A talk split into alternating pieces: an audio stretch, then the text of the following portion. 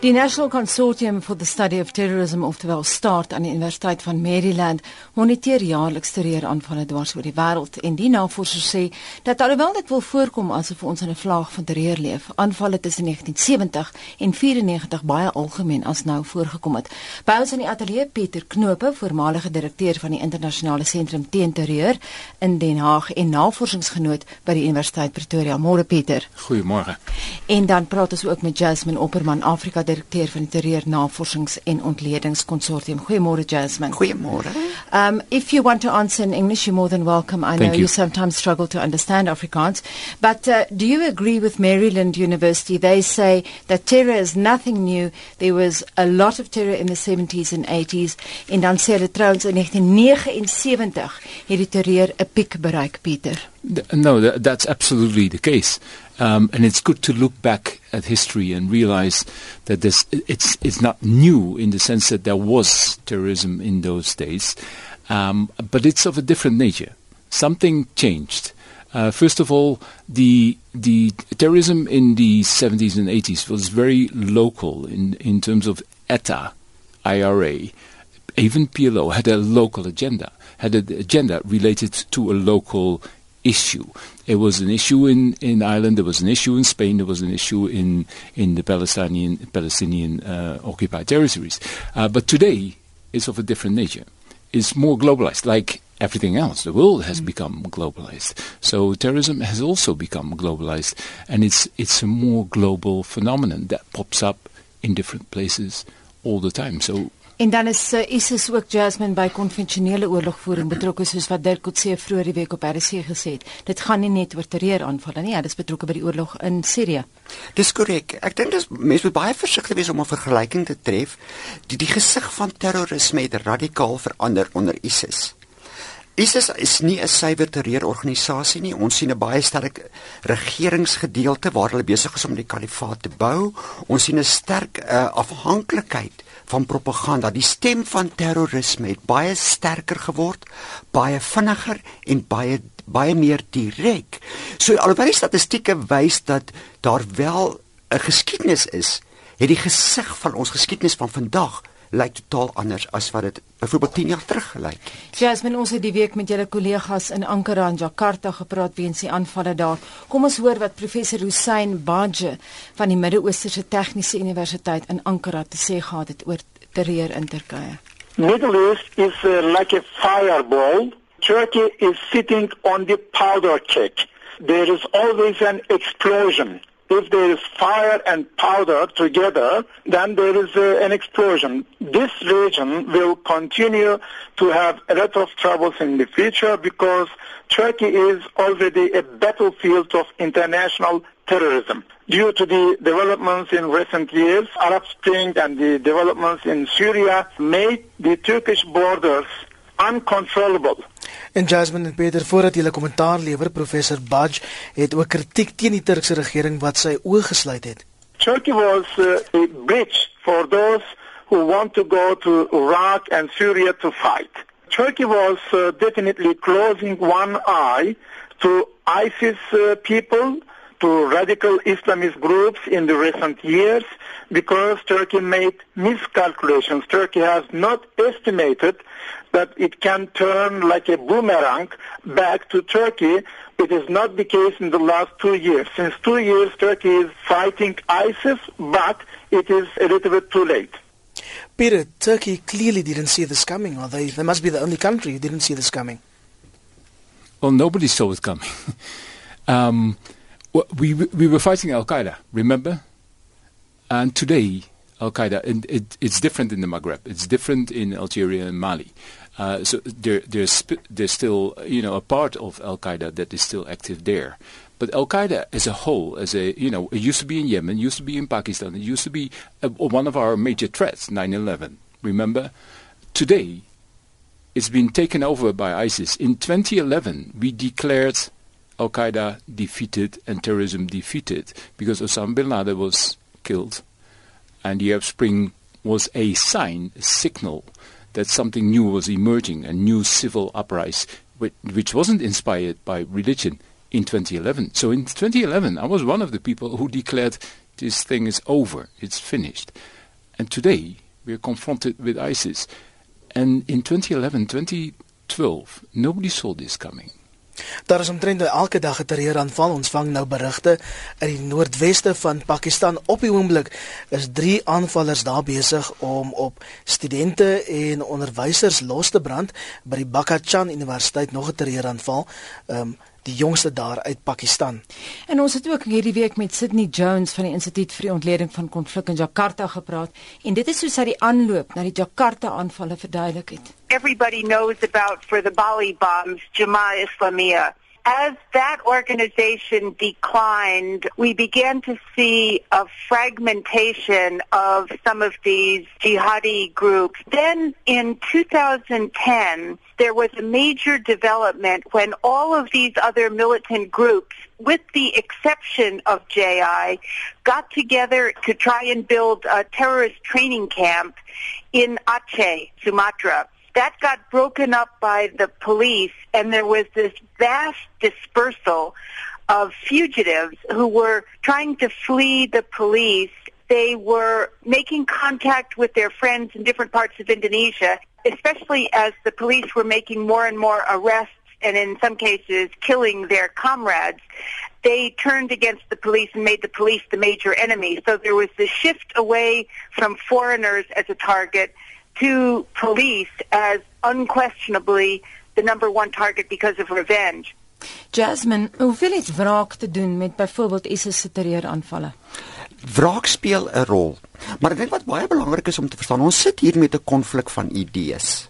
Dit is waaroor dit gaan, dit is gaan oor die rondom die kalifaat is 'n alternatief as die enigste alternatief wat aangebied word deur die weste.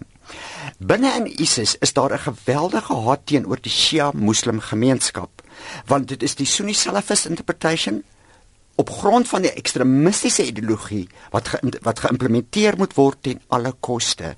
Daarom sien ons op hierdie oomblik in die Dabik uh, uitgawe van gisterand 'n hele Dabik uh, uitgawe wat gaan oor Shia Muslim as die vyand van ISIS. So wraak speel 'n rol, maar wraak binne 'n godsdienstige ideologiese interpretasie waar ISIS die enigste alternatief is. En natuurlik daarmee saam die vreeselement wat gedryf word op 'n daaglikse basis deur ISIS wat 'n geweldige impak het. Peter, we've listened to what Sydney Jones had to say. She also has something to say about why women join ISIS. Let's just ask Willem to play that in for us. Then you have a lot of women who have been attracted by ISIS propaganda who see the Islamic State as being the place where they can bring up children in a perfect pure Islamic environment. And you've got to figure out a message tailored to those women that will convince them that it is possible to live out Islamic values without going to Syria, without taking part in that conflict. Do you agree, Peter? Well, what, what Sydney says, Sydney Jones, is interesting. She says the, the message is tailored to local conditions. And we see that happening all the time. It happens in Mali, it happens in Boko Haram in, in Nigeria, it happens in Cameroon, it happens in Al Shabaab, Kenya. Um, and they, they tailor their message. Even in Paris, they tailor the message to a local audience, and they look at the local. They're very professional in the sense that they analyze the, prof, the, the local conditions, and they tailor the message accordingly. So if there's local grievances, local grievances about the, the political situation, about the position of youngsters in a certain in a certain area. They will they will accordingly message and target a certain audience in that according to the local grievances. So they are very clever and very professional about that. Yes, correct. En Jasmine Sydney praat ook oor die toenemende betrokkenheid van vroue in wêreldwye terreur. Dit en dit is heeltemal korrek. As ons gaan kyk vir byvoorbeeld met Boko Haram op hierdie stadium, Niger Islamic State of West Africa, waar daar weer gister 'n 'n 'n 'n female suicide bomber in Kameroen 'n mosk aangeval het. Daar is 'n toename van vroue in die betrokkenheid. Wat interessant is is dat ISIS op hierdie stadium nog nie daarvan gebruik maak nie. Hulle bly staan by die standpunt dat 'n vrou wel toegelaat kan word om aktief in hulle interpretasie van jihad deel te neem alleenlik wanneer die situasie desperaat is. So binne die ISIS groep is Boko Haram die uitsondering en ons moet ons moet dit altyd in ag neem. Die rol van die vrou binne die kalifaat word nog baie sterk gereguleer deur 'n interpretasie van 'n vrou wat ondersteuning bied aan hulle vegters alhoewel daar 'n uh, brigade in Raqqa is wat ontplooi is om te kyk en spionasie te doen intelligensie in te samel is hulle nie aktief betrokke by by daadwerklike aanvalle en dis belangrik om dit te onthou. En weer eens met mense so sê soos die Franse polisie change c'est la même chose, hoe meer dinge verander hoe meer blyk dieselfde want ons het nou in ons klankgreep uit die argief 'n klankgreep gehad van Leila Khaled en sy was destyds betrokke by die Popular Front for the Liberation of Palestine. Sy was 'n vrou. Sy was betrokke. So dit is nie noodwendig net nie. This is not new, Peter. No, it's definitely not new. No, it's not new. Um we uh, Chechnya. There were women involved in Chechnya. Quite a number of women were involved in the Beslan attacks at the school. Uh, and they were they were violent. They were women can be unpleasantly violent uh, in some occasions when they get very upset and very angry and when they're mobilized uh, with and with political motives. So it, it, and it's not a new phenomenon. But women, let's face it, is still a minority. It's still a male thing. Uh, it attracts women, but it, but it's still a male thing. What worries me is that according to marketing laws, everything that attracts young women is bound to be successful in the future. It's a marketing law.